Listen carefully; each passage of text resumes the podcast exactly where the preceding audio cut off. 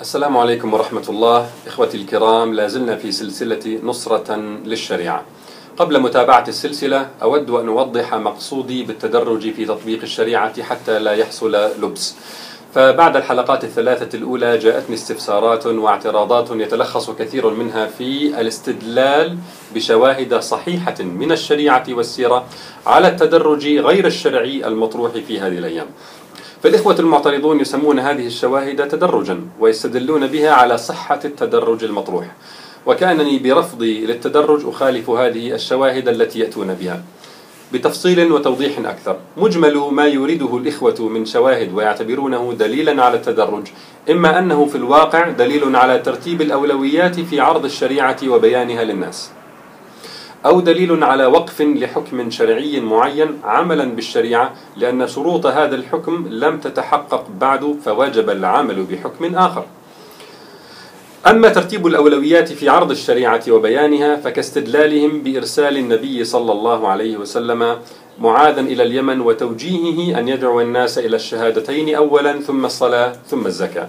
وأما وقف الحكم الشرعي عملا بالشريعة فكوقف حد السرقة في حق السارق الجائع الفقير أو كإسقاط بعض أشكال إنكار المنكر عن الحكومة الإسلامية لعجزها عنه وعدم قدرتها على القيام به. إخواننا يسمون ذلك تدرجا ثم يستدلون به على صحة التدرج المطروح في الساحة الإسلامية. ثم يقولون لي ما مفاده إن كنت تنكر التدرج المطروح فأنت إذا تنكر مراعاة ترتيب الأولويات في عرض الشريعة. وتنكر وقف العمل بأحكام إسلامية عند عدم وجود شروطها وتنكر سقوط وجوب أحكام على الدولة لعدم قدرتها على تنفيذها. فتوضيحا لإخواني. أود أن أبين أني لا أنكر أيا من هذه الأمور الثلاثة بل سأبين مشروعيتها في الحلقات القادمة بإذن الله. أنا لا أقول أن على الدولة الإسلامية الناشئة أن تبني المجتمع بناء إسلاميا في اليوم الأول. وتقضي على المنكرات كلها بجرة قلم وتدخل في صراع على كل الجبهات دفعة واحدة.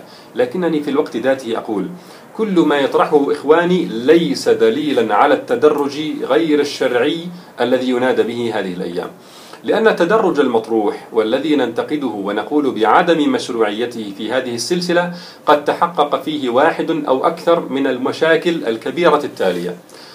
لا تعلن فيه السيادة للشريعة بحيث تعتبر المرجعية العليا الحاكمة على القوانين من البداية. أو يستأذن فيه مجلس الشعب في تطبيق الشريعة. أو تقر فيه مرحليا قوانين وضعية مخالفة لأحكام الشريعة. أو تنفذ فيه قوانين مخالفة لأحكام الشريعة موروثة من الحكم غير الإسلامي. أو يقال فيه بالتدرج في التشريع وكأن الشريعة تتنزل من عند الله تعالى من جديد. أو يربط فيه تطبيق الشريعة بحل مشاكل الناس الاقتصادية أو الأمنية أولا. أو يقال فيه أن علينا ترسيخ العقيدة والأخلاق الإسلامية لدى الناس قبل تطبيق الشريعة. أو يربط فيه تطبيق الشريعة برضا القوى الداخلية أو الخارجية المعارضة للشريعة أو يقدم الإسلاميون فيه في سبيل الوصول إلى الحكم تنازلات ستبقى آثارها وتمنعهم من تطبيق الشريعة إن وصلوا إلى الحكم. هذه هي المشاكل في التدرج المطروح الذي ينادى به وسنفرد حلقة خاصة لبيان عدم مشروعية كل منها بإذن الله تعالى. تبقى هنا نقطة مهمة. موضوعنا هذا ضخم ومتشعب للغاية. فلا بد من تفكيكه لعناصر صغيرة للرد على الشبهات واحدة تلو الأخرى. ومن ثم بيان الحل الشرعي الذي على الأمة أن تنتهجه. وأنا الآن أسير بخطة معينة لذلك.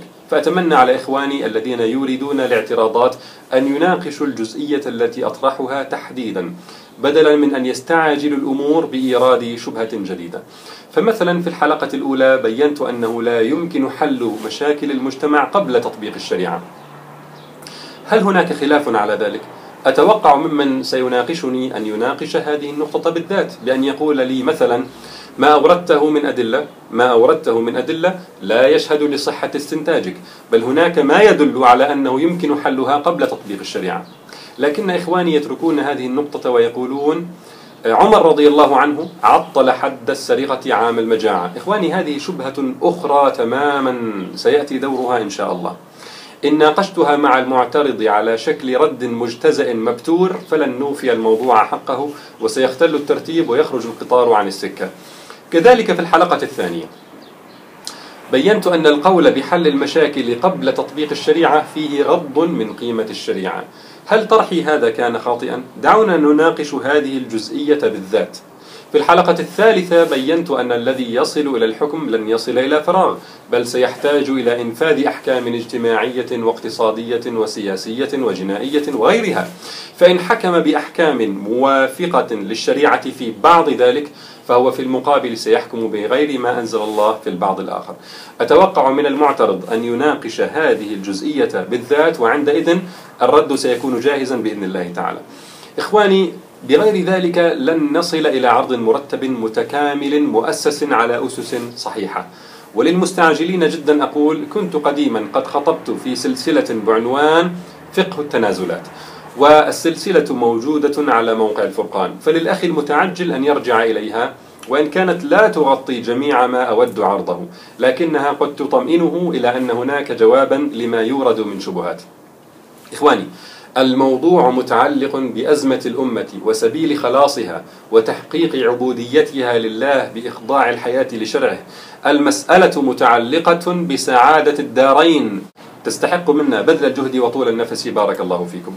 فخطتنا المرحلية للحلقات القادمة بإذن الله أن نوضح أولا أن ما يطرحه إخواننا المدافعون عن التدرج هو في الحقيقة دليل على ترتيب الأولويات في بيان الشريعة أو سقوط أحكام شرعية معينة وعمل بأحكام شرعية أخرى من الشريعة وليست أدلة على التدرج الذي يدافعون عنه.